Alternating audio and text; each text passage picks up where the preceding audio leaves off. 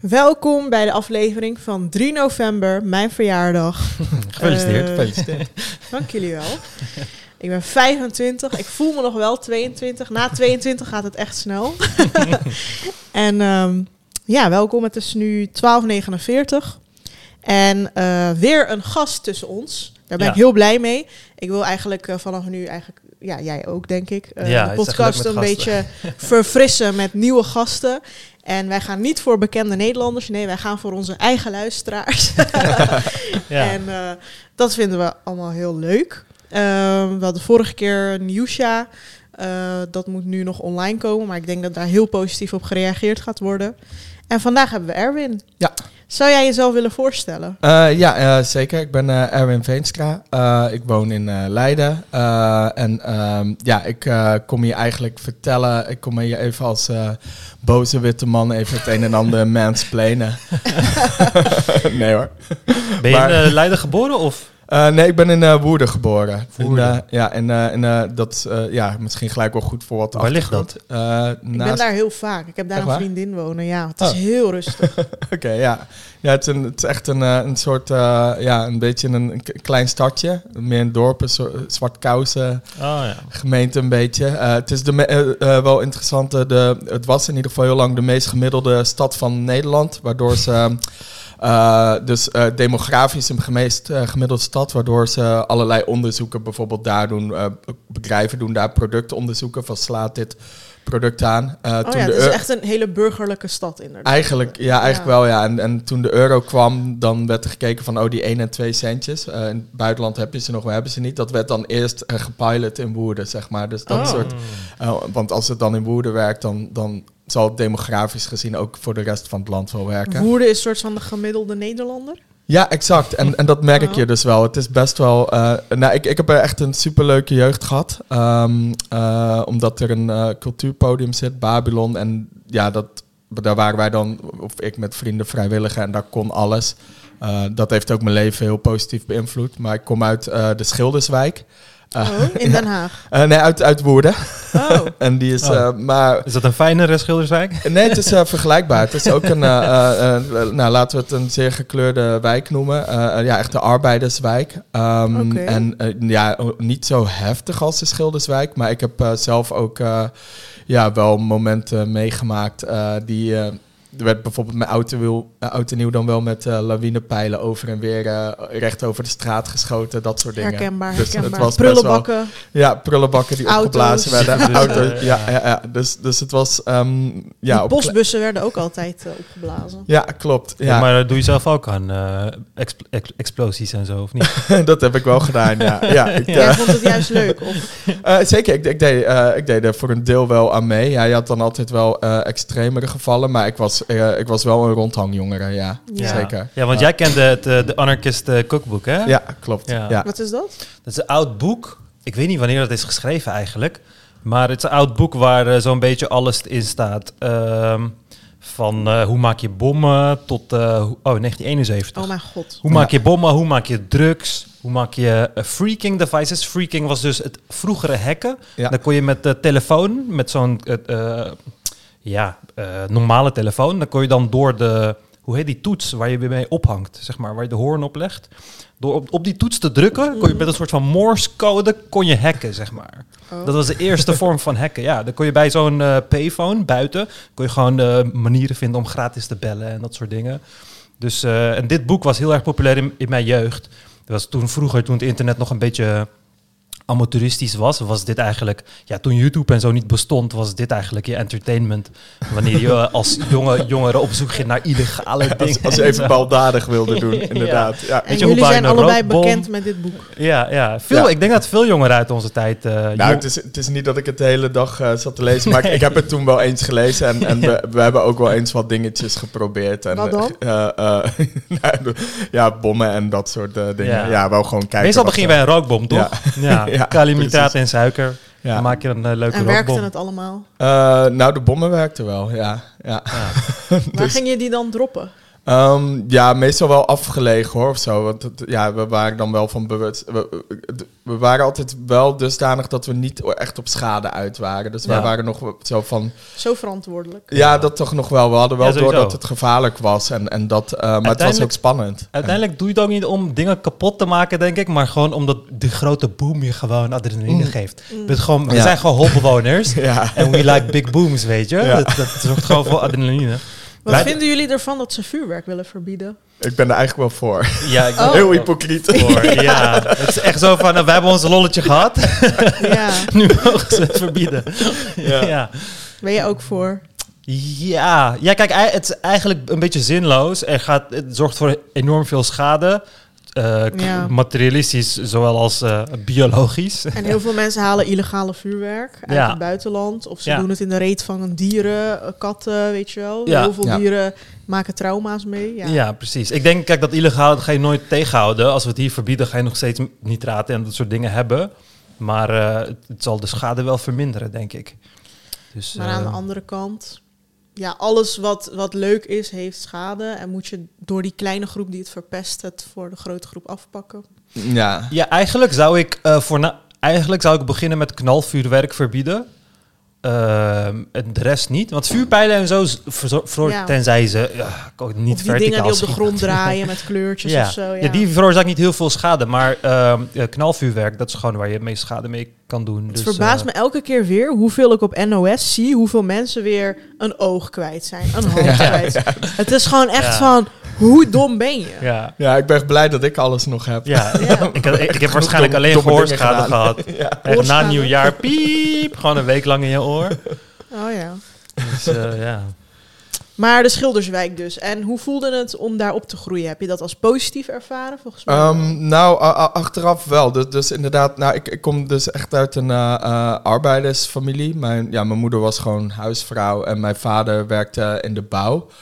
Ehm, nou ja, ik ben veel opgegroeid eh, met eh, Marokkanen, met Turken. eh daar zat ik ook mee op school. Ehm, ja, het was eigenlijk best wel leuk. Zie je Ehm, dat achteraf als een verrijking? ja, ja, absoluut. Zeker, zeker. Maar eigenlijk werkt die verrijking dus twee kanten op. En dat is misschien waar we het zo nog wel over komen te hebben. Maar ik herken dus de, de eh, frustratie van de witte man die eigenlijk misschien links zou moeten stemmen, maar nu PVV of FVD stemt. Maar ik, ik, ik ken dat perspectief wel, omdat ik het deels ook... eh, eh, in op, ja, om- ik herken die argumenten en zo uit, uit een deel Uit van mijn omgeving. Ja.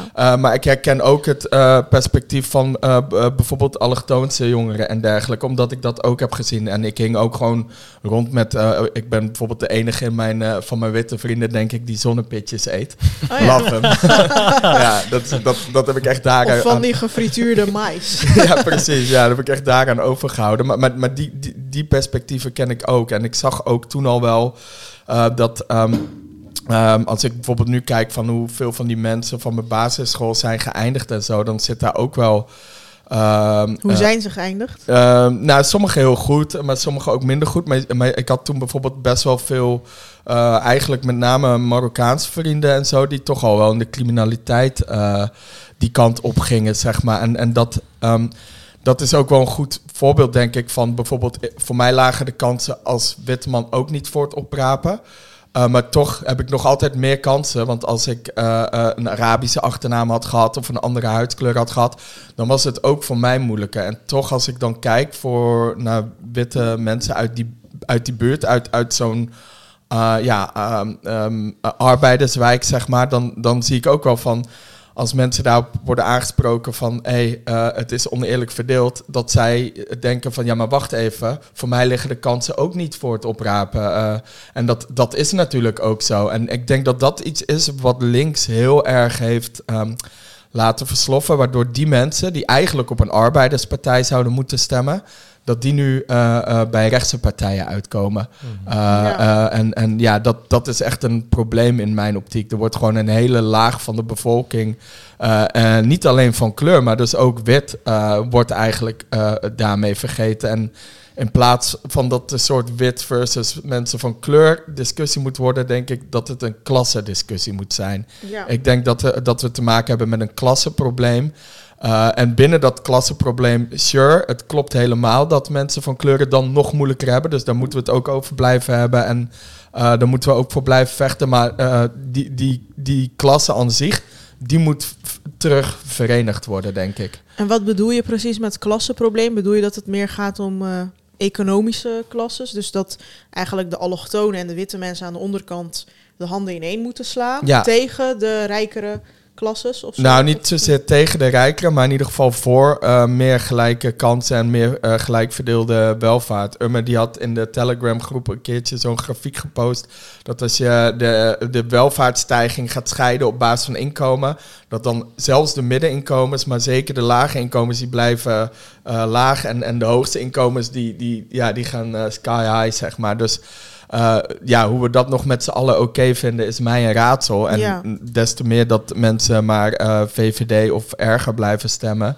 Uh, maar vergeet niet, ook partijen als PvdA en GroenLinks hebben hier aan meegedaan. Ik Ja. zou zeggen, als je nu links bent, dan moet je eerder bij één gaan, gaan stemmen. Maar de, de paradox is dat bij één nu juist de mensen is die witte mensen uit de onderklasse heel erg triggert. Ja. en, en uh, ja, Dat zou ik net zeggen, inderdaad. Zij zijn toch bij uitstek de partij die heel erg focust op huidskleur en weet ik veel wat. Ja. Terwijl jij net zegt, daar moet de focus van af. En Ja. er moet een klasse...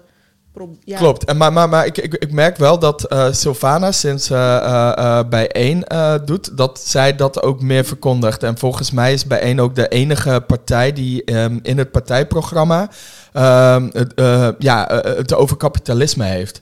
Gewoon dat voor andere partijen hebben het er niet eens SP over. toch ook. Mm, Ja, maar, maar toch wel eh, minder. Die, die zijn toch ook wel. De SP die, die, is een beetje een buitenbeentje eigenlijk. Uh, want die zijn ja, heel erg uh, dan voor de arbeider, maar die nemen allemaal. Uh, die willen wel dat fabrieken juist kunnen groeien, want dan kunnen er meer arbeiders terecht. En Mhm. dat is ook heel erg SP. Dus, wat, is, wat is daar mis mee?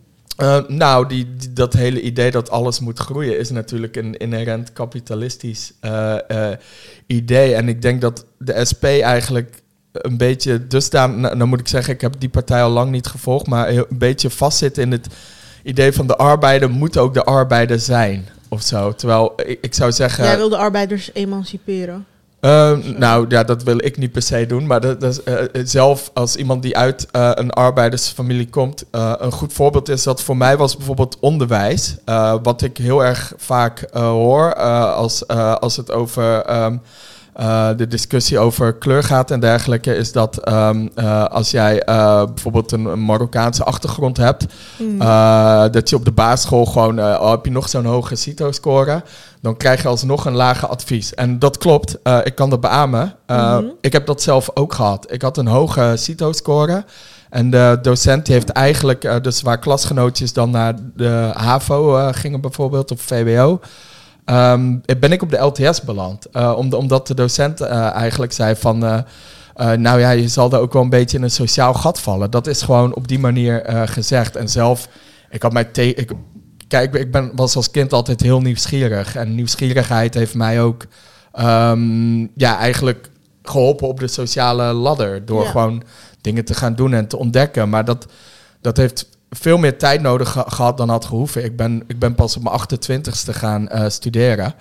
Um, Ja, ik heb ook nooit de middelbare school afgemaakt. Uh, Oh. dus, uh, want ik kwam op die LTS terecht. Wat is LTS? Uh, de lagere technische school. Dus ik was in groep 8 had je tekendoos. En uh, daar had ik dan uh, speakertjes ingebouwd. En dan kon, met, met batterijtjes. En dat, ja, had ik allemaal, dus ik was veel met elektrische dingetjes bezig. Wat was je CITO-score en wat werd jou gegeven?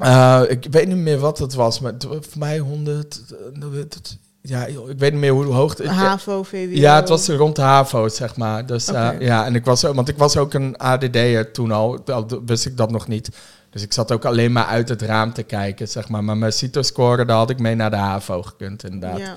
En um, uh, ik moest zelfs in het eerste jaar, in de brugklas, uh, moest ik dan naar de MAVO, omdat ik op basis van die score ook niet gelijk naar de LTS kon.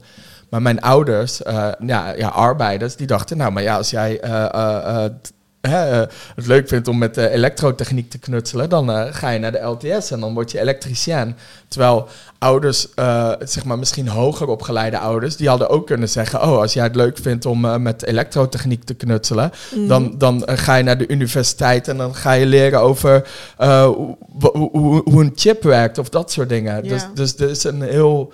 En, en ik, ik, ja, ik, heb, ik heb wel een tijd gehad dat ik dat moeilijk vond. Achteraf gezien neem ik mijn ouders dat helemaal niet kwalijk. Maar, maar als je het dan dus hebt over eh, sociale mobiliteit, eh, again, dat is dus ook een, denk ik, een, een klasse-issue. waarbij ehm, ja, je als kind dus niet eens wordt aangemoedigd om het maximale uit jezelf te halen. En op de LTS zat ik dus heel erg onder mijn niveau. Nou, eh, zeker als ADD'er, wat je gaat doen als je niet geïnteresseerd bent, is gewoon eh, een beetje rondkloten, zeg maar. Dus Maar- ik was alleen maar bezig met, nou in ieder geval niet met onderwijs. En toen ben ik, ik ben daar uiteindelijk ook eh, een soort van afgetrapt. Net niet heel- zo van, je hoeft niet te gaan, maar het is beter als je gaat.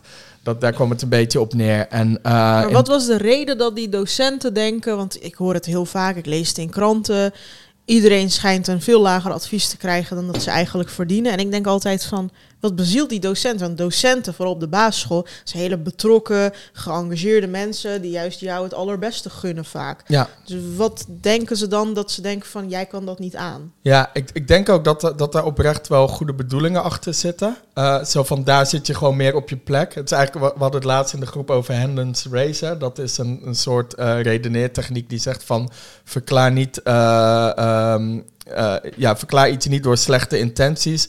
Als het ook kan worden verklaard door domheid of onwetendheid. Dat is ongeveer wat dat. eh, dus jij zegt. denkt dat die docent heeft gedacht, jij komt uit zo'n eh, zo'n gezin, jij gaat het niet kunnen vinden op de HAVO. Ja, Eh, dus het is maar beter als je bij een beetje je eigen Daar zit je meer. En ja, en ik denk niet dat hij dacht van nou, eh, eh, fuck you, weet je, ik heb helemaal geen zin dat gasten zoals jij kunnen groeien in het leven. Dus, Mhm. ehm, en kijk, wat natuurlijk ook zo is, ik was als kind ook moeilijk en ik was best wel verlegen. ik zat altijd een beetje in mijn eentje uit het raam te staren. Dus, dus dus ik, ik kan ook wel begrijpen waarom eh, dat eh, wordt gezegd. Maar ik denk dat er tegenwoordig veel meer aandacht is ook voor dat soort. Ik, ik, ik weet niet hoe het nu gaat bij basisschoolkinderen. Ja. Maar bijvoorbeeld ook eh, eh, neurodiversiteit en dat soort dingen. eh, dat, toen werd het toch wat meer als zwakte gezien misschien. Terwijl het nu ook als kracht kan worden eh, eh, Met ADHD gezien. kom je gewoon dommer over. Voor mensen die Ja. ADHD niet begrijpen, kom je gewoon dom Exact, over. ja. maar het wordt, het wordt vaak dus gekoppeld aan racisme en discriminatie, omdat vooral allochtonen een lager advies zouden En dat krijgen. is ook zo. Ik denk ook dat het klopt. Dat, eh, eh, eh, ehm, dat het zo is dat dat, dat bij, in die groep nog vaker voorkomt dan in, mijn groep. Ehm, maar toch denk ik dat het ook een ehm eh, eh, eh, klassending is. Want ook als ik kijk naar mensen van die tijd om me heen. Dan ehm, is die sociale mobiliteit ook voor witte mensen niet altijd eh, even gemakkelijk geweest. Ik was eh, laatst weer een keertje in die buurt. Ehm, en ik moet zeggen dat veel van mijn vrienden die, die, die ik later heb gemaakt, die kwamen uit hele andere eh, achtergronden, uit andere wijken en dergelijke. Ja. Dus daar heb ik nu contact mee als ik in Woerden kom. Als ik weer eens in mijn oude wijk kom, dan kom ik echt nog ja, gasten van de basisschool tegen of zo. En, en die hebben het ook niet allemaal per se goed gehaald of zo. Dus de, en ehm, ik kwam laatst twee vrienden tegen. Eén daarvan een Surinaamse jongen en één een Nederlandse jongen. En die, eh, nou, die werkten dan allebei in de schoonmaak. Dat waren jongens waar ik vroeger mee eh, eh, rondhing. Eh, en eigenlijk, eh, eh, en niet dat de schoonmaker een slecht beroep is of iets dergelijks. Maar ik denk wel dat, ik weet eigenlijk wel zeker dat zij zelf wel meer uit het leven hadden gewild. Eh, want ik ken ze natuurlijk een beetje. Eh, en eh, ja, ze hebben ook altijd wel een beetje zich op het criminele pad begeven. Um, en, en het feit dat zij samenwerkten, en een, een, een, een Surinaamse jongen en een witte jongen, vond ik eigenlijk ook wel tekenend door de buurt waar ik vandaan kwam. Dat, dat die hetzelfde zijn geëindigd. Dus um, maar waar, dit vind ik altijd heel interessant. Waar denk jij dat het aan ligt? Dat zij niet meer, dus jij denkt dat ze meer potentie en talent hebben dan schoonmaker zijn. Maar ze zijn wel dat geworden blijkbaar. En jij denkt dat is zonde. Maar waar ligt het dan aan? Door de maatschappij of door hunzelf? Uh, beide, maar, maar uh, kijk, als je de maatschappij inricht op een bepaalde manier waarop mensen domme besluiten gaan maken, en ik denk dat dat zo is, dan, eh, dan ja, is het heel makkelijk om te zeggen: ja, maar het is allemaal je eigen keuze geweest door dat te doen. En dat is ook wat onze eh, kapitalistische westerse maatschappij heel erg goed in is. Dat is een, een, een, een systeem met voorwaarden creëren die eh, meer eh, ehm, voordeel hebben voor de mensen die al ergens zijn, die al iets Mhm. hebben. En, en eigenlijk meer werken tegen de mensen die daar nog in moeten klimmen. En, ehm, Concreet voorbeeld? Ehm, nou, als, als jij in een rijke familie wordt geboren eh, eh, en je krijgt eh, toegang tot bijlessen, eh, je kan je kinderen na school nog wat extra bijleren en, en je hebt geld om, eh, om ze naar een eh, eh, dure privé-instructeur te sturen en, en daardoor halen ze een hogere CITO-score en krijgen ze makkelijker toegang tot de Unie. En je kan een huis voor ze betalen in de stad waar ze gaan studeren. Dat is nu natuurlijk ook nog een ding. Het het leenstelsel is er nu. Dus zonder. Ik had bijvoorbeeld zonder, zonder het studiefinancieringsstelsel. Ik was in 2012, in het laatste jaar dat je nog. Um, geld kon krijgen, zeg maar, begonnen.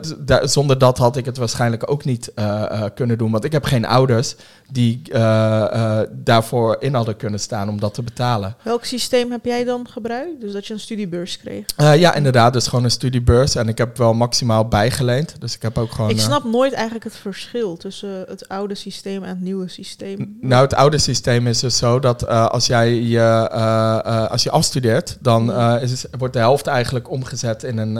in tenminste, een gift? Ja, dus je hebt een, een, deel wat gift is en dan kun je nog een deel bijlenen. En ja, dat is... Maar dat is toch nu nog steeds zo? Want als je, een laag in, als je ouders hebt met laag inkomen, ik kreeg nog de aanvullende beurs. Mm. En mijn broertje krijgt het nu ook. Ja, dat is alleen de aanvullende beurs. Maar die had je toen ook al. Dus oh, je ja. kreeg de basisbeurs en daarbovenop nog de aanvullende beurs. En die kreeg ah. ik inderdaad ook. Uh, en, en ja, daarbovenop dan maximaal lenen, wat, uh, wat altijd wel een aanrader is.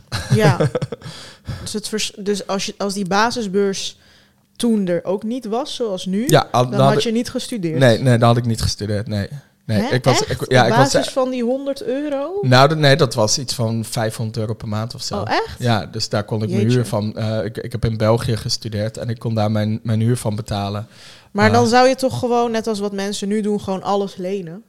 Um, ja, maar dan heb je dus wel een enorme studieschuld. Maar als jij ja. aan een goede baan komt, is die schuld zo Ja, afgelost. maar dat is nog maar de vraag of je wel aan een goede baan komt. Maar dat, dat is natuurlijk uh, daarna al. Het gaat natuurlijk al om het traject dat die toegang dus eh, ze- eh, minder gelijk is Ja. geworden weer voor mensen. Eh, en en eh, als je het dan hebt over dat mensen dan eh, dommere keuzes gaan maken. Eh, ja, dat is een beetje alsof je een, een, een, een, snoepje voor iemand neerlegt en zegt van nou, die, die mag jij, eh, die, die, zou je niet moeten pakken.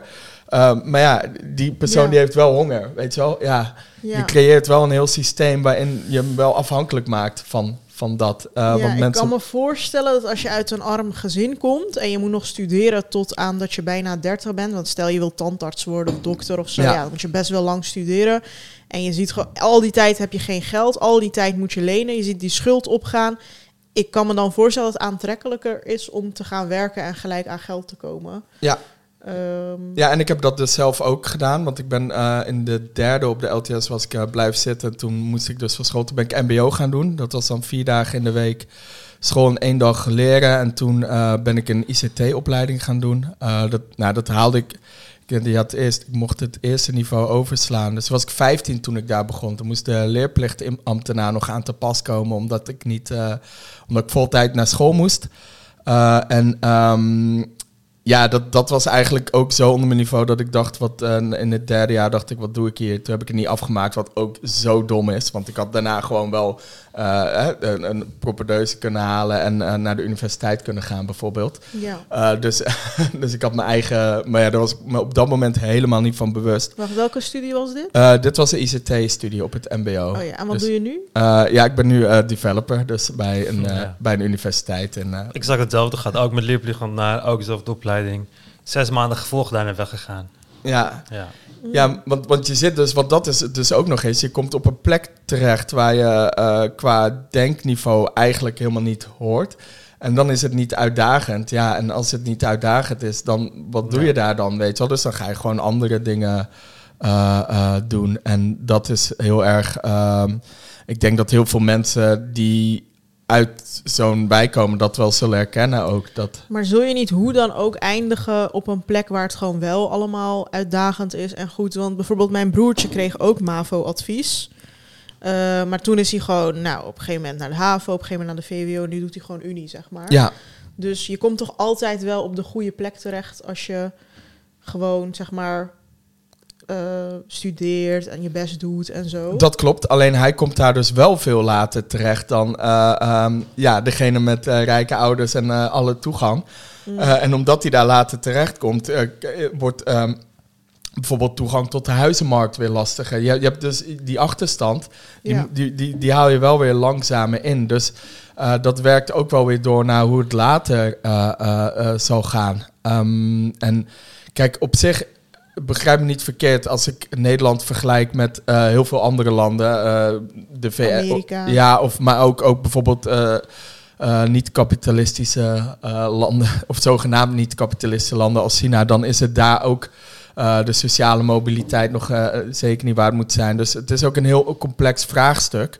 Ehm, maar ik, ja, ik denk wel dat het belangrijk... Ja, ik, ik, ik heb wel het gevoel dat er meer een klassenprobleem is. eh, of dat dat meer moet worden bevochten. In ieder geval door partijen. Dat die daar meer voor moeten opstaan dan eh, een soort identity eh, politics. Waarvan ik het ook goed vind dat het, dat, dat plaatsvindt. Want het, het is allemaal gewoon nogmaals, ik ben goed terechtgekomen. En als ik eh, ehm, een andere achternaam of een andere huidkleur had, dan had ook dat niet gelukt. Dus daar Ja. ben ik me heel erg van bewust. Maar ja, het is ehm, eh, best wel eh, begrijpelijk daardoor dat eh, witte mensen daardoor door die discussie wel denken, ja, en ik dan? Want die blijven ook achter. Ja. Ik heb dus eh, toen Trump werd gekozen, had ik dat helemaal gevolgd. En toen waren heel veel mensen, vooral in de onderklasse, heel erg blij met hem, omdat hij de fabrieken weer had geopend. En Ja, omdat ze weer werk hadden. ja. Het viel me daarom op dat je net zei van ja, volgens de SP moet je gewoon arbeiders moeten arbeiders blijven. Maar wat is er mis met arbeider zijn? Het gaat toch meer om gelijke rechten, meer inkomen, eh, goede werkomstandigheden en niet per se dat je geen arbeider meer Nee, moet nee zeker. Nee, nee, even voor de duidelijkheid. Eh, eh, ik denk dat arbeiders zijn, dat veel beroepen die echt arbeidersberoepen zijn, eh, dat dat extreem belangrijke beroepen zijn. Ja. En dat die mensen dus veel te weinig betaald krijgen. Ja. Eh, sterker nog, eh, ik ben zelf developer. Nu werk ik voor, niet voor een commercieel bedrijf, maar voor een universiteit. Dus ik zou in de commercie nog wel meer kunnen verdienen, maar daar heb ik helemaal geen zin in. Want ja, dan werk je voor geld, terwijl ik nu werk aan het noem maar wat verbeteren van onderwijs. Daar, daar zie ik voor mezelf, haal ik daar meer uit. En eh, daarbij is geld minder belangrijk. Maar ehm, ik, ik vind zelf dat wat ik doe niet eh, beter is dan bijvoorbeeld mijn broer die stratenmaker is. Sterker Mm. nog, er valt te beargumenteren dat hij eh, bij Vlagen belangrijker werk doet. Eh, terwijl ja, hij toch een stuk minder daarvoor krijgt. Dus nee, zeker. Het, het, is vooral dat de arbeiders meer zouden moeten verdienen. Dat die, oh, Ja, ga maar door hoor. zeker in Nederland, eh, heel erg ondergewaardeerd eh, worden. Ehm, Wat is daarvan de reden, denk je? kapitalisme. Ja, maar Ja. Umer heeft mij een keer uitgelegd. Je loon is afhankelijk van vraag en aanbod. Op het moment dat er veel mensen zijn die iets kunnen doen, zullen de lonen lager liggen. Ja, ja, dat is ook deels waar natuurlijk. Eh, eh, een, een, eh, ehm, nou moet ik zeggen, ik zou niet weten hoe ik een straatje in elkaar moet eh, leggen.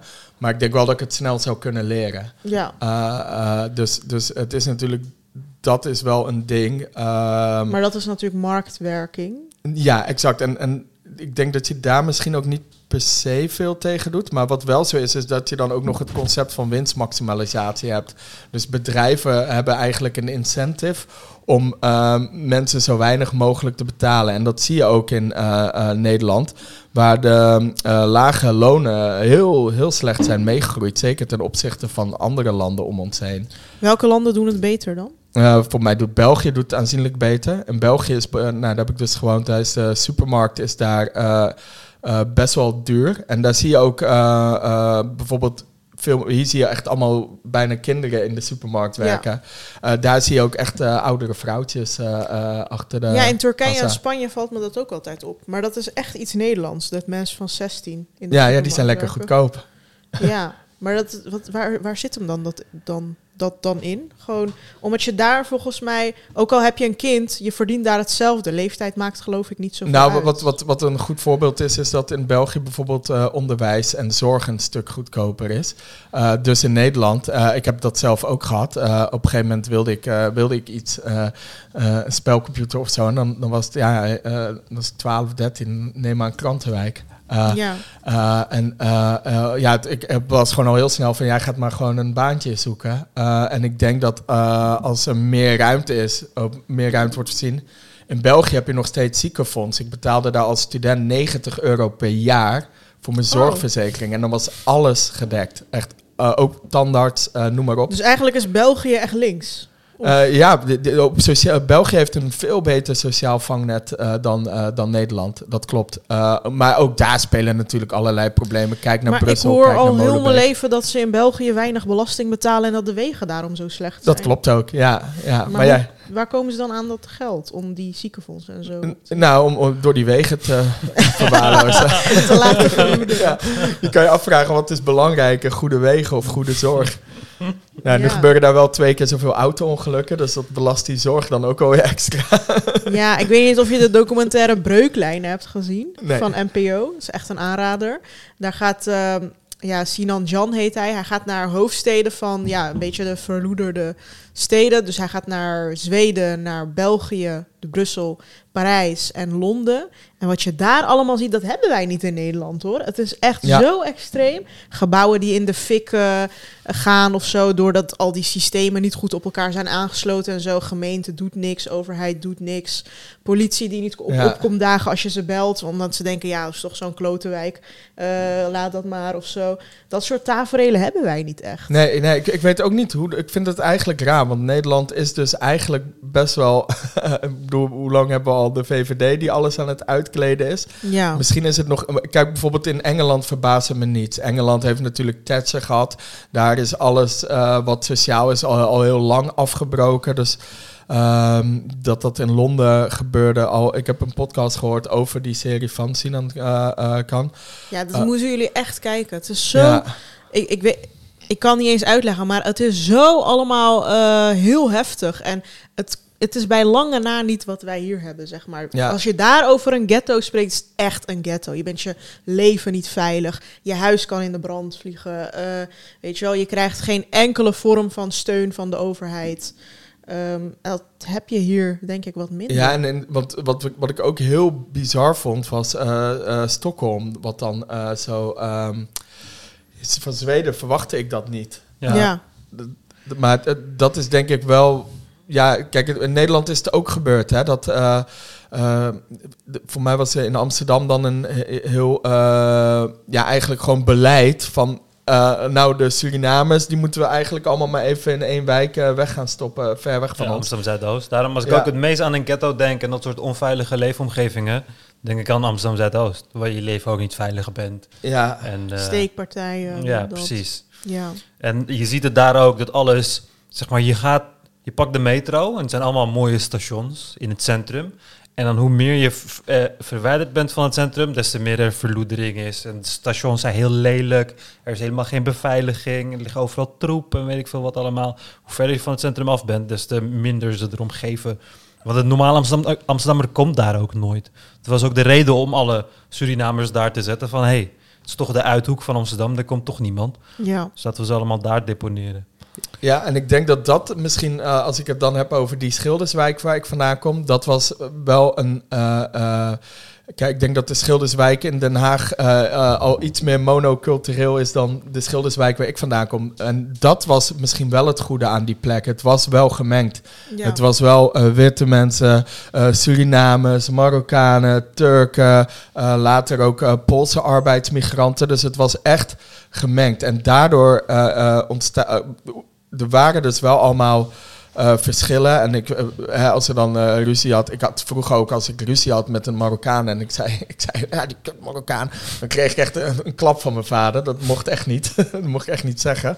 Uh, maar um, uh, om, omdat. Um, um, omdat die wijk zo gemengd is, was er wel een heel goed onderling eh, begrip. De oude, eh, de, nou, mijn vader is overleden, maar mijn moeder, ehm, haar buren, dat is een eh, Marokkaanse familie, daar heeft zij een super goede band mee. Terwijl ze cultureel echt mijlenver van elkaar staan. Die familie is echt ja, best wel hardcore moslim. En, en nou, ik, ben in een eh, seculier gezin opgegroeid.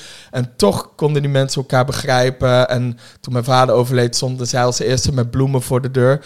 Dus als je het hebt over, eh, eh, over multiculturele wijk, dat was Ja. wel het goede aspect ervan. Mensen kunnen elkaar begrijpen en, en mengden ook echt wel veel meer. Hoewel er nog steeds eh, breuklijnen zijn, om het Ja. zo te zeggen. Nou, ik denk dat dat dus wel. Kijk, het is. eh, iedereen gaat inderdaad gewoon aardig met elkaar om, et cetera. Maar daar ligt dan vaak ook het probleem niet. Maar homa, als jij met een Marokkaans meisje wilde trouwen, dan Ja. zou je daar nooit geaccepteerd worden, meestal. Ja, ja, ik heb het niet geprobeerd. Ja.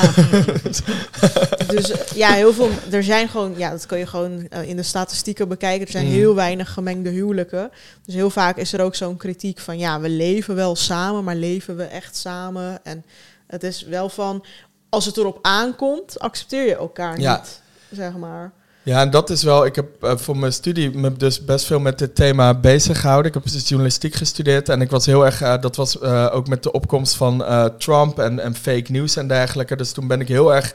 Op een gegeven moment zei mijn mijn afstudeerbegeleider ook van. daar heb ik ook heel lang over gedaan. Hij zei: hè, maar je studeert gewoon journalistiek. en je doet nu alsof je een PhD aan het schrijven bent. Dus ik ging daar veel te diep in, want het interesseerde me mateloos. En. Ehm, eh, daar heb ik toen ook veel over geschreven. En eh, er, was. ehm, eh, ja, ik denk dat er heel veel neurologische verklaringen. dat ik daar heel erg in ging zoeken. En mensen zijn natuurlijk ook gro- groepsdieren. Dus je zal altijd hebben dat je je aangetrokken voelt tot één groep. en daardoor al gelijk. een, een soort blokkade naar de andere groep toe hebt. Dat, dat, ik denk dat je daar niet van afkomt. Ik weet niet of jij daar ook. Ehm, Ja, het is heel lastig. want Bij mij was het ehm, toen ik, ja, hoe zou ik het zeggen? Toen ik, toen ik op een witte school zat, witte middelbare school zat, bij ons op VWO had je vier Turkse jongens. En dat was gewoon mijn groepje, want het waren Turkse jongens. En met de Nederlanders had ik dan helemaal niks. En op de zwarte school was het exact hetzelfde. Had je gewoon groepen. Dat je daar het Turkse groepje, daar het Marokkaanse groepje en daar het Nederlandse groepje.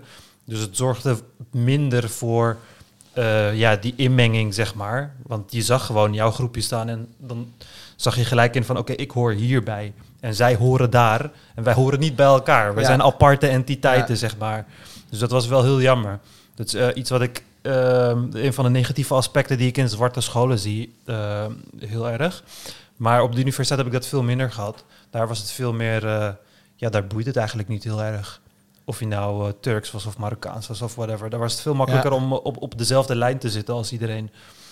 Maar eh, ja, op, op, zodra je, ik weet het niet, zodra je op zo'n zwarte school zit, en er zijn ook op witte scholen hoor, maar, en je ziet van, oh, jullie zijn de Turken en jullie hebben ook, net als mij, geen merkkleding, geen merkschoenen en weet ik veel wat allemaal. Dus het is niet alleen dat je Turks bent, maar ook de, de, de, de sociale aspecten en zo. Ja. Dus eh, ja, dat heb ik wel meegekregen inderdaad destijds. maar wat, hoe zie je dat, dat de lage klasse blij was met Trump, bijvoorbeeld? Uh, nou ja, dus inderdaad, uh, uh, nou ja, de, uh, hier hebben we dan de evenknie Thierry. Uh, of Wilders. Ja, precies. Dus bijvoorbeeld mijn broer, die uh, stratenmaker is, die heeft best wel lang uh, VVD gestemd. Want die, de, de, nou, die was ZZP. Wat heel gek is, want het is ja. niet in zijn belang. Nee, exact. Dus, dus hij, um, ja, hij dacht, ik ben ZZP'er, dus ik ben ondernemer. Dus de VVD, daar moet ik op stemmen, schijnbaar.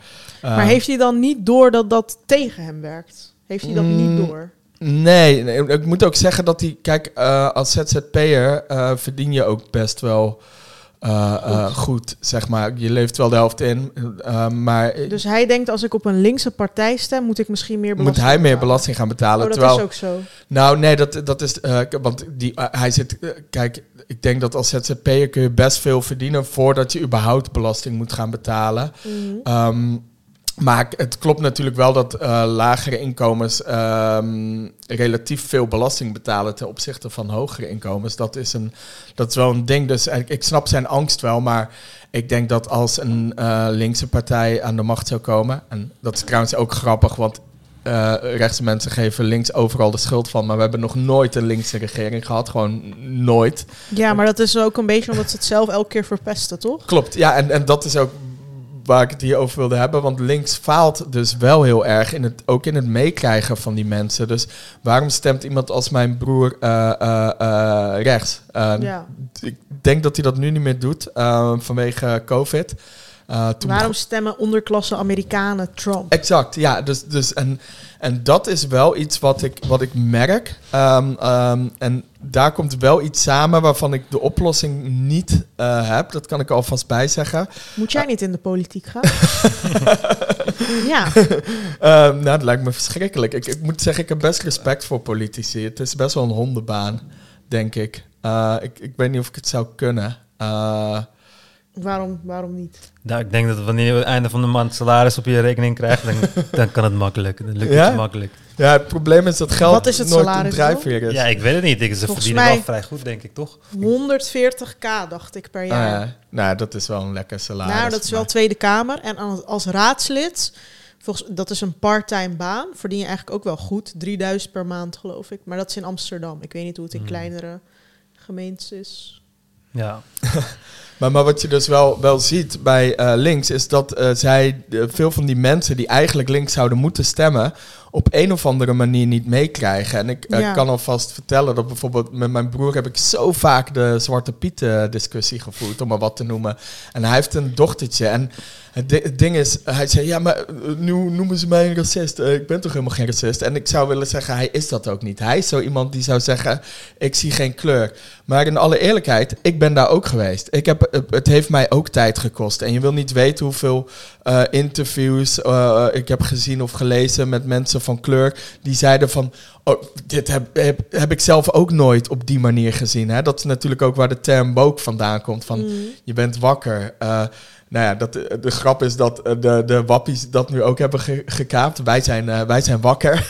ja. um, maar, maar het klopt wel. Van als je het eenmaal hebt gezien, dan kun je... Uh, once you've seen it, you can't unsee it, zeg maar. En dat is wel een... Uh, dus in die zin snap ik die term wel. En bij mijn broer heeft het... Bij mij heeft het een tijd geduurd voordat ik inzag waarom Zwarte Piet een probleem was. En als je dat eenmaal inziet, dan begint de rest ook op zijn plek te vallen, zeg maar. Dus ik ben echt... Ik, ik, er zijn momenten... Ik zou nu op haar stemmen. Er zijn momenten geweest waarop ik... Uh, Sylvana Simons wel kon schieten, zeg maar. Mm uh, dus het is best wel ik ben echt blij dat zij het lef heeft gehad. En de alle shit waar die mensen doorheen zijn gegaan. Quincy Sofa, uh, Sofana, uh, Aquasi. Al die shit waar da zij doorheen zijn gegaan. Maar irriteer je dan niet aan die uh, ruzies die ze ook onderling de hele dag hebben?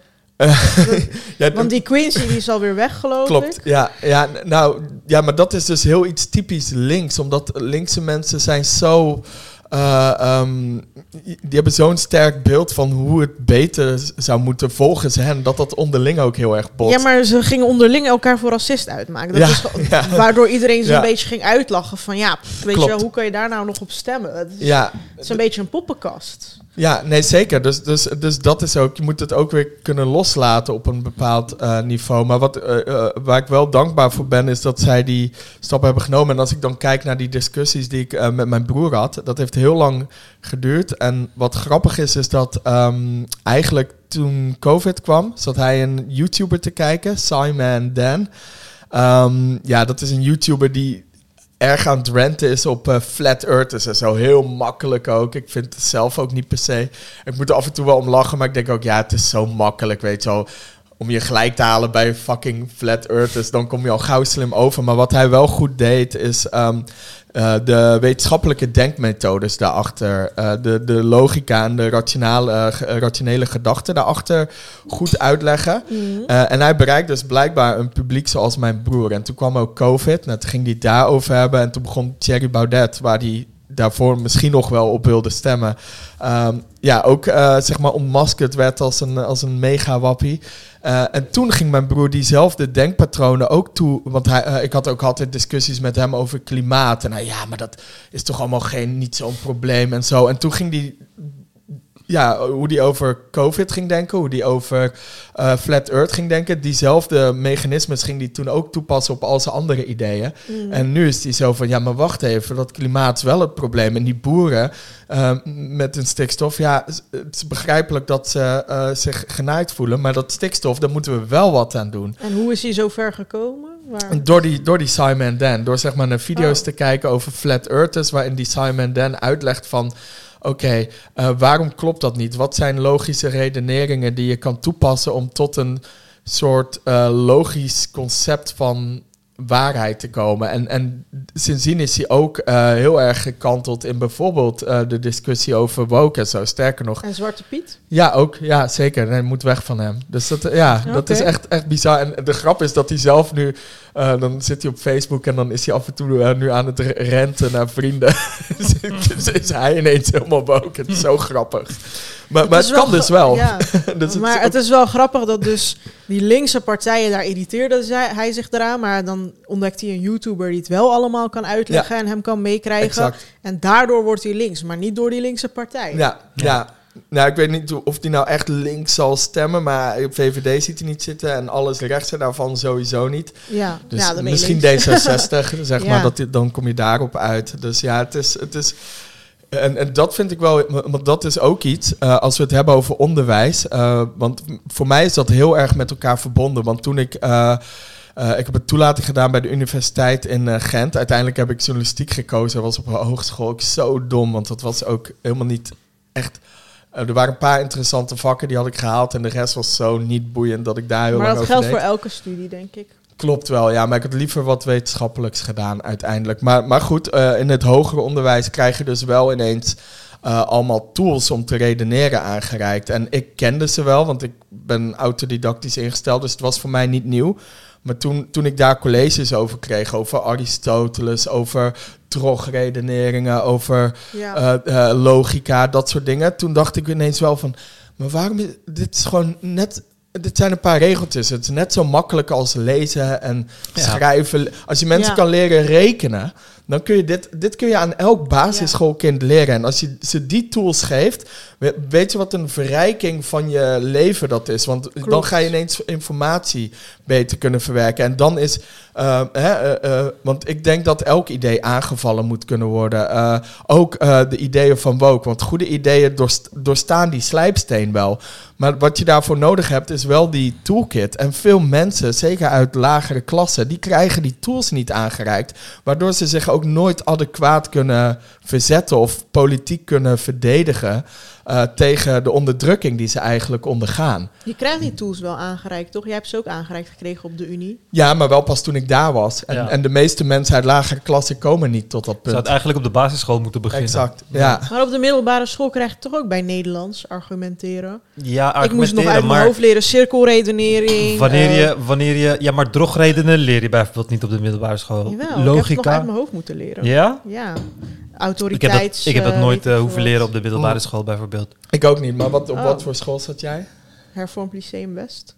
Ja, oké. Dus, maar, eh, maar dat lyceum is dan eh, VWO? Of?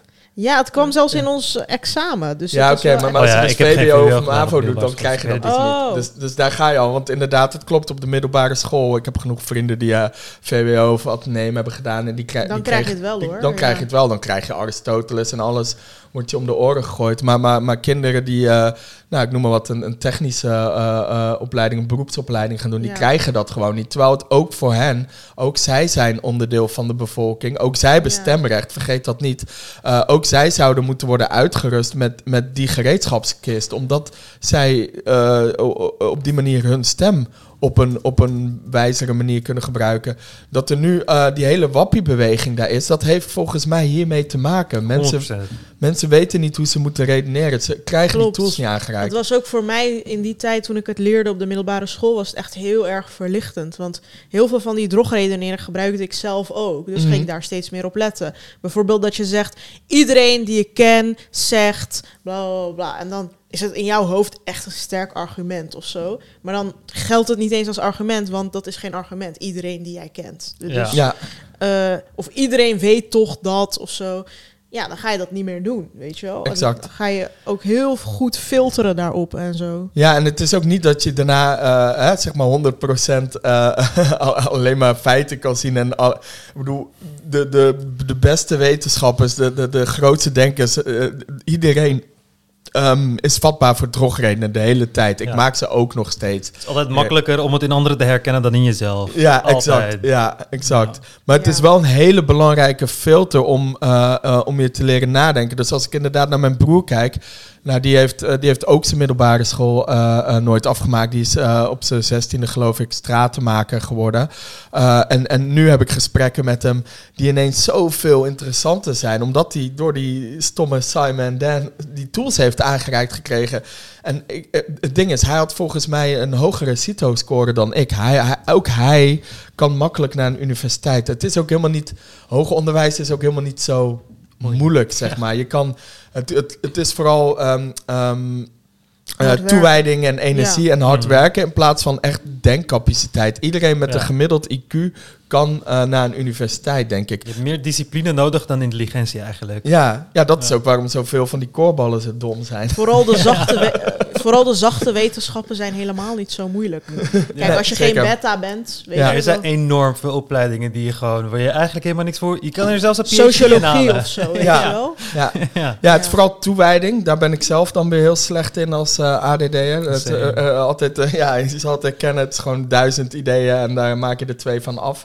Eh, dus dus ehm, ja, eh, dat blijft eh, lastig. Ehm, maar, maar, maar daarmee kom je een heel eind. Maar ehm, ja, oh, kijk, dat is het ook. Veel jongeren uit, uit lagere klassen, die gaan dus vroeg werken en dan heb je ineens geld. Dan is het ook moeilijk om, om dat opzij te zetten. Zeker in het huidige stelsel, waar je dus geen basisbeurs meer hebt. Ik heb dat dus kunnen doen, Ja. want daarvoor verdiende ik gewoon geld. En nou, dan kreeg ik mijn baasbeurs, daar kon ik Ja. van rondkomen. Maar dat kan, dat kan nu ook niet meer voor die mensen. En je hebt een woningentekort, dus als je Ja. gaat huren, betaal je echt een godsvermogen aan huren. En Ja. je moet alles lenen. En je hebt, als je een zware studie hebt, kan je, heb je, kan je echt geen baan daarnaast hebben als je geneeskunde doet of Nee. zo.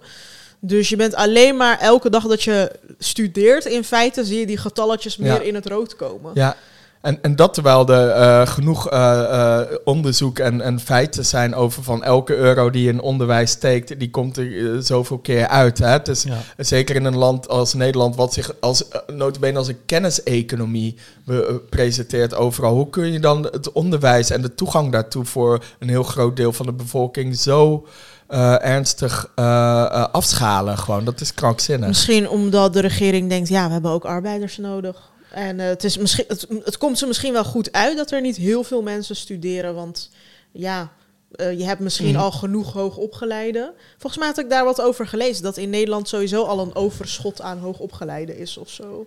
Ja, het niveau werd ge- vergemakkelijkt een Ja. eh, aantal jaren terug, En- omdat je een tekort aan hoogopgeleide had. Werd het Ja. niveau overal uh, Maar je hebt een vooral een tekort je- aan mbo, Ja, nu- glaszetters of Mhm. weet ik veel wat. Daar heb Mhm. je echt een extreem tekort aan. Defensie hebben ze een tekort aan, politie hebben ze een tekort aan. Dus misschien is het in hun belang dat er ook mensen... Ja, dat juist Ja. die barrière voor het studeren een beetje groot is. Nou, zo. d- daar zijn volgens mij twee dingen. Eén, Die, Ja, Dat, Ja. dat betekent nog niet dat je ze de eh, tools niet moet geven om eh, te. Ja. Dat is waar we hadden. Dus daar, daar valt nog wel winst te behalen. Maar dat is meer een maatschappelijke discussie. ja. Eh, en dan is er nog inderdaad de discussie dat er overal een tekort is aan, eh, ja, eigenlijk aan arbeiders. Nou, begin eens met die arbeiders beter te betalen. En begin eens, we, we hebben het over ehm, eh, asielzoekers die we in, in, in een verschrikkelijke kampen stoppen. Die mensen, dat zie je met de Oekraïense vluchtelingen, die zetten we aan het werk. Waarom kan dat niet? Eh, kijk, of, of je een asielzoeker gelijk politieagent moet maken, is een andere eh, vraag. Ehm, ja, waarom mogen ze eigenlijk niet werken? Dat begrijp ik niet. ja, dat, dat, is, dat is gewoon dom beleid als je het mij vraagt. Want als je, als je die mensen eh, een bestaan geeft en, en de mogelijkheid om geld te verdienen en voor zichzelf te zorgen, dan, dan denk ik dat de mensen. Kijk, nu stoppen we ze in, in een, eh, vluchtelingenkamp bij elkaar. in verschrikkelijke omstandigheden. En dan gebeuren er natuurlijk dingen. Want als je mensen op die manier behandelt, dan gaan er dingen gebeuren. Eh, en vervolgens eh, gaan, eh, komt dat in de media en gaan mensen zeggen: kijk eens hoe die vluchtelingen zijn. En Ja. hoe zou het volgens jou beter kunnen? Ehm, nou, door ze inderdaad eh, toe te staan te werken, door misschien ehm, eh, meer aan gespreide huisvesting te denken, hoe het beter zou kunnen, daar hebben we een perfect voorbeeld van. Kijk naar Oekraïners. Die, eh, dat is ook niet. Kijk, het kan nooit helemaal perfect zijn, natuurlijk. Het is, het is altijd lastig, maar de Oekraïners worden inherent beter behandeld en die zijn er beter aan toe en die hebben meer kansen hier dan vluchtelingen van elders in de wereld. En het is gewoon raar dat. Ik, ik, ik snap technisch wel hoe het werkt, want met Oekraïne eh, was d- Volgens mij komt dat door het associatieverdrag. Dus er was al iets waardoor zij makkelijker aan het werk konden met een Oekraïns paspoort. Dus dat is ook een technisch verhaal. Maar gewoon puur ideologisch of inhoudelijk is het gewoon krankzinnig en, en dom en eh, eh, ja, alweer gewild of ongewild racistisch. Eh, je Ja. kan het niet anders noemen. Dit is gewoon, ehm, eh, ja, dit is gewoon de, de uitwerkingen van is inherent racistisch. Dat is gewoon hoe, het- hoe het is. Maar worden, ik vraag hem, ik weet dat niet, worden Oekraïners wel bijvoorbeeld gehuisvest en zo? Ja, die zijn heel veel door mensen zelf opgenomen ook. Ja, maar dat is dan, Wat dan ook hebben vaak ze het geluk was. dat maar- zij de sympathie mee hebben van mensen. Klopt, ja. En Ook daar zou je racisme in kunnen zien. ja, Maar dat is wel een heel logisch ding, omdat eh, nou ja, ze zijn wit, eh, ze wonen dichterbij. Ja. eh, ze zijn vinden de meeste Nederlanders verschrikkelijk. Ja, het is exact. een oorlog die ze kunnen volgen en herkennen. Ja, s- Bij andere landen. het ja, is een dus- groep die meer op ons lijkt. En, en dus Ja. eh, ook meer welkom is. En dat is zo fucked up eigenlijk, als je daarover nadenkt. Eh, en het rare is, als je dat dan dus gaat zeggen, dan voelen mensen zich aangevallen van... Ja. "Ja, maar dan zijn we racistisch. En ik herken dat dus heel goed. dat is zo lastig. Ehm, want ja, eigenlijk ben je dat dan dus. Mm. Eh, als, als je een groep die meer op jou lijkt meer voordeel geeft dan een andere groep, dan is dat racistisch. ja. En we doen dat. Je hebt ook mensen die geen enkele van die groepen moeten of eh, willen huisvesten omdat er bijvoorbeeld een woningentekort is. Ja, Eh, bijvoorbeeld Wilders zegt, ja, we kunnen onze eigen bevolking nog niet eens huisvesten. Hoe kun je nieuwkomers huisvesten? maar dat kan wel. We- Want eh, kijk naar Polen. Die, eh, ja, Polen, ik vind het, de regering daar momenteel eh debiel en hoe het, in de EU gaat en met hun rechtspraak. Dus, maar maar je ziet wel dat voor de Oekraïners doen zij heel veel met huisvesting. Dus zij hebben heel snel ook Maar in zij hebben veel meer grond en zo. Eh, dat klopt, maar, maar, maar, ja, maar die containerwoningen en zo. Kijk, het is niet perfect, maar daar is echt wel iets mee te doen. Het vergt ook gewoon investeringen en politieke wil, denk ik. En, Mm. en dat doen we gewoon niet. We laten het nu gewoon versloffen. En eh, vervolgens zit ze in een vluchtelingenkamp en dan was dan die ondernemer uit Groningen die tenten kwam brengen. En dat mocht dan weer niet vanwege de veiligheid. Ja, dat is zo'n Nederlandse regeldrift van regels zijn regels. En we hebben Ja. dit bedacht en nu is dit onveilig. Dus dit, nee, het kan gewoon niet. Ik heb me daar ook mijn hele leven zo aan gestoord aan Nederland. Van die hele mentaliteit van regels zijn regels en het kan niet. Dat ik denk, ja, het kan wel. Wacht, waar gaat dit over? Ik heb het gemist. Nou, dat eh, er was een Groningse ondernemer. Eh, die had dan in Ter Apel, zag hij die situatie daar en die vond dat verschrikkelijk. eh, want die moest op straat slapen en ook echt helemaal niks. Dus hij dacht, ik ga in ieder geval eh, tenten aan die mensen geven. Dus die heeft daar allemaal tenten gebracht. Konden die mensen in ieder geval in een tent slapen. Dat is al beter dan gewoon zo in de regen. En toen kwam, ja, ik weet niet of dat dan de provincie of de stad was. Daar, daar wil ik vanaf zijn. Ehm, die kwamen daar dus eventjes zeggen van ja, nee, dit mag niet. Want die tenten onveilig en brandgevaar. Terwijl, ik weet niet of die mensen wel eens op Lowlands zijn geweest. Mm. maar, eh, dus het is ook een heel raar argument. Maar die tenten zijn allemaal afgepakt. Weer. Dus, dus de, de hulp die die mensen werd geboden, die wordt gewoon afgenomen onder het mom van veiligheid en regels. En ik vond dat heel typisch Nederlands, omdat er gewoon wordt gezegd van, ja, dit zijn nu eenmaal regels. Eh, hè? Het eh, klopt ook, je mag in Nederland bijvoorbeeld niet wild kamperen. Misschien heeft het daar wel mee te maken. Je mag in Mm. Nederland niet zomaar een tentje ergens neerzetten.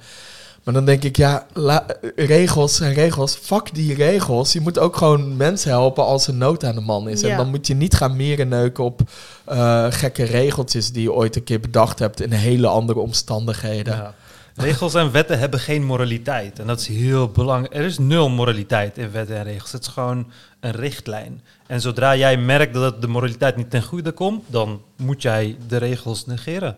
En kiezen voor hetgeen wat, eh, wat goed is, zeg maar. Ja. En, dat- en dat doen we hier niet, zeg maar. In Nederland is het gewoon, het is gewoon heel erg een regeltjesland, inderdaad.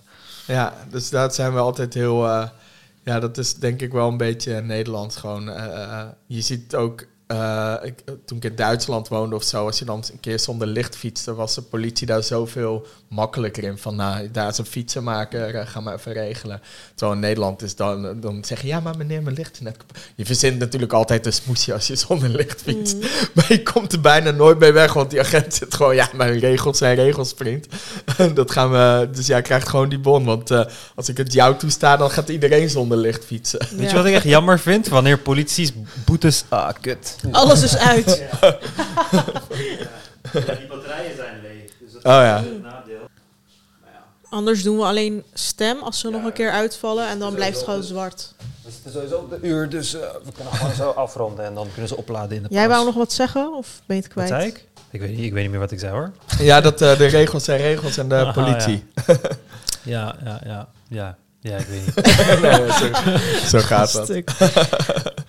Oké, als wij hadden ook weer in de comments iemand die platte aarde ging. eh, Er zijn heel veel mensen. Jongen, we zijn, ik ben met het dood Maar die- bedreigd. Echt door waar? plaataarders. Ja, door maar die diegene kwam heel intelligent over. Ja. Het is echt bijna. Oh ja, bedoel je die guy waar ik ook op had gereageerd? Ja. Gabriel nog iets? Ja. Ja. Dus ik ken hem. Hij is al jarenlang eh, op een... ik ken zo'n scheikundeleraar, Marokkaanse scheikundeleraar, ex-moslim ook.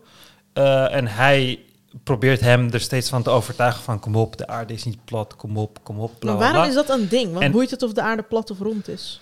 Ja, wow, Lale, je wilt echt niet weten. Niet. Ja, echt. Nou waarom ja, zou maar- je daar druk Kijk, vroeger was, maken? nooit, vroeger was dat nooit een ding. En dan ergens in 2005 of 6 of zo, of nee, misschien wat later, ging er een, had iemand een Flat Earth video gemaakt en die ging viral. Algoritme pikt het op, pikt het op die ging viral. Opeens Ik snap miljoen gewoon niet mensen welke mensen dat interessant vinden. niet. waarom Enorm gaat dat veel viral? mensen. Ik Enorm denk dat veel Baudet mensen. er binnenkomt, kort ook meekomt. Ja, als je gelovig Ja, bent sowieso, als je christelijk bent. Want Ja. in alle gelovige boeken Oh. zijn, zijn, is de aarde plat. Dat Oh ja, dan sowieso. snap ik het wel, ja. En het vergemakkelijkt alles. Want dat- het is simpel. Het is terug naar de oude tijd, waarbij je je alleen zorgen hoeft te maken over de aarde. Het is niet gekke ideeën van triljoenen planeten en sterren elders, die allemaal vragen oproepen over een god of een ziel of weet ik veel wat allemaal. Het is gewoon simpel, het is gewoon de aarde. Dus het versimpelt eh, alles. En ja, ze geloven daar graag in. En dan is het van space is fake, NASA is fake news. En eh, ja, er is een ijsmuur om de aarde. ja, ik, ik, ja, ik vind het heel raar. Er zijn heel veel conspiracy theorists die geloven dat, eh, dat, dat Flat Earth een psyop is. Is een psychological operation vanuit de government. Dat de government deze conspiracy zelf heeft bedacht om conspiracy theorists te discrediten. Van, ha, Ja, ja. Kijk, kijk hoe dom ze zijn, want ze geloven in een platte aarde. Weet je, maar mensen geloven het daadwerkelijk. En er, er- er- ze geloven er best sterk in ook. Dus maar ze maken zich er ook enorm druk om. Want Mhm. ik heb die comments van jou en diegene gelezen. Ja, Mhm. En je dacht echt, waar gaat dit over? Ja, hij, hij is dus. Ik heb, ik heb hem de hele tijd, de hele tijd gewezen op zijn fouten. Dan komt hij met dingen van. Haha, maar de wetenschappers weten niet dat de Big Bang als eerst gepostuleerd werd door een dominee. En dan denk ik van, jawel, we weten dit allemaal. Het staat in alle boeken. Het staat in al onze boeken. En hij was niet alleen dominee, maar hij was ook astrofysicus. En hij was ook wetenschapper. Niet alleen dominee.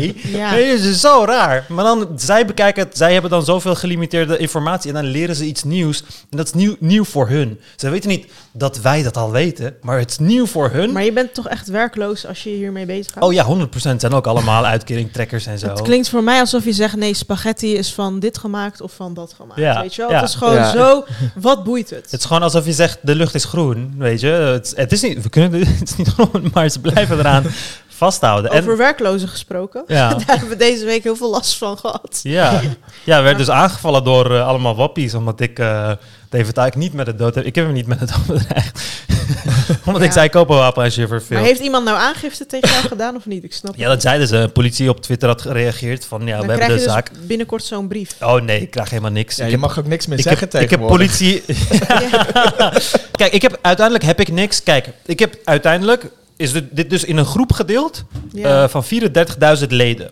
Ik heb die hele groep gekopieerd En ik heb een cross-reference check gedaan van hoeveel van deze mensen bijvoorbeeld Willem Engel volgt. Ja. Groot percentage van die mensen volgt ook Willem Engel. Willem Engel heeft opgeroepen om eh, Hugo de Jonge te vermoorden. Mm. Om daadwerkelijk, om hem daadwerkelijk te liquideren. Ik heb zoiets niet gezegd over Da- David Dijk. Ik ben een eng persoon opeens. Ja, ja. Ik ben een eng persoon. Als het er niet aankomt, ben ik opeens een eng persoon. En, en je zei er nog bij dat het een grapje was. Ja, ja, ik heb dus- meermaals gezegd dat ik heb in die hele aflevering heb ik maar één persoon, heb ik alleen maar opdracht gegeven om één persoon te vermoorden en dat was mezelf. Op het eind zei ik van als ik ooit gek word, schiet, schiet mij dood. Ja. Dat is de hele aflevering heb ik dat gedaan. Maar dit is wel ook die discussie over vrijheid van meningsuiting. Want Ja. je hebt dus ook dat, dat hele... Want dat vind ik ook heel interessant. eh, het hele, oh, eh, mag je dit nu ook al niet meer zeggen? Dat hangt ook heel erg samen met eh, de... Woke en zo. met de woke-discussie. en nou, ten eerste, eh, alle witte mensen, eh, je mag alles zeggen. Hmm. eh, eh, maar verwar vrijheid van meningsuiting gewoon niet met het recht om niet te worden tegengesproken. Mensen vinden iets. Ja. En eh, die kunnen daar ook weer iets van vinden. En dat geldt andersom eh, eh, ook, zeg maar. Eh, als iemand vanuit de woke-gemeenschap een opmerking krijgt waar die niet mee eens is, of dat nou terecht is of niet terecht, je kan daar alles over, over zeggen. Je mag alles zeggen. Alleen op een gegeven moment kom je wel in gevaar met, met de rechtspraak of gewoon met het feit dat andere mensen daar wat van vinden. Ja, maar heel vaak wordt dat verward. Het, het verbaast me gewoon hoeveel mensen denken dat vrijheid van meningsuiting equals niemand gaat het oneens met me zijn. Ja, exact. Ja, Het is gewoon krankzinnig. net als dat Kukje die band niet wilde dragen met die regenboogvlag, die voetballer. En dat toen al die moslims zeiden van, eh, oh, kijk, eh, iedereen heeft het erover, hij wordt zwart gemaakt, maar we hadden toch vrijheid van meningsuiting. Ja. Toen dacht ik, ja, niemand verplicht hem ja, ook. dat maar kan je alleen er- zeggen als hij dat heeft gedaan en dan hebben we hem in de cel gegooid. Dan kan je zeggen, hè, maar we hadden toch vrijheid van meningsuiting? Ja, of hij krijgt een precies. boete of zo. Ja, maar elke groep neemt nu elkaars argumenten over als een soort van tools. Dus in plaats van een echte discussie te voeren, worden Ja. gewoon argumenten over en weer uitgewisseld. Zo van, oh, maar als jij zegt, eh, je berust je op vrijheid van meningsuiting, dan ga ik dat ook zeggen. Oh, en als jij zegt, ik mag dat niet meer zeggen, dan ga ik dat ook Ja. zeggen. En die forumgasten, die hebben eh, eh, eh, echt jarenlang alles en iedereen voor rotte vis zitten uitmaken. En dan druk ik me nog zacht uit. En nu, nu wordt er teruggepraat en dan zegt ze, jou, ik mag ook niks meer zeggen. Het is gewoon zo krankzinnig. ja. Ja, en, en dan denk ik... zij hadden het de hele tijd over snowflakes en, en mensen uit de woke-beweging zijn snowflakes. En nu zijn ze allemaal aan het janken om, om, om kleine opmerkingetjes. Wie is hier... Nou, dus, nu doe ik het zelf ook. De snowflake-argumentatie teruggooien. Maar dat Ja. is hoe het maatschappelijke debat nu wordt gevoerd. Niet eens meer op inhoud, maar gewoon door elkaars vorm een beetje op elkaar af te vuren. Het is heel Ja. raar. Dat is een mooi einde. We zitten op het uur. Eh, wij moeten even de camera's eh, opladen, want eh, om Ja. de seconde vallen ze uit. Nee, die is nog aan. Oh, ja. En eh, ja, we zien je straks weer bij het Ja. volgende. Dankjewel. tot de volgende keer. Oh, vergeet ons niet te steunen op ikgeleven.backme.org. En eh, ja, tot de volgende keer. Yes.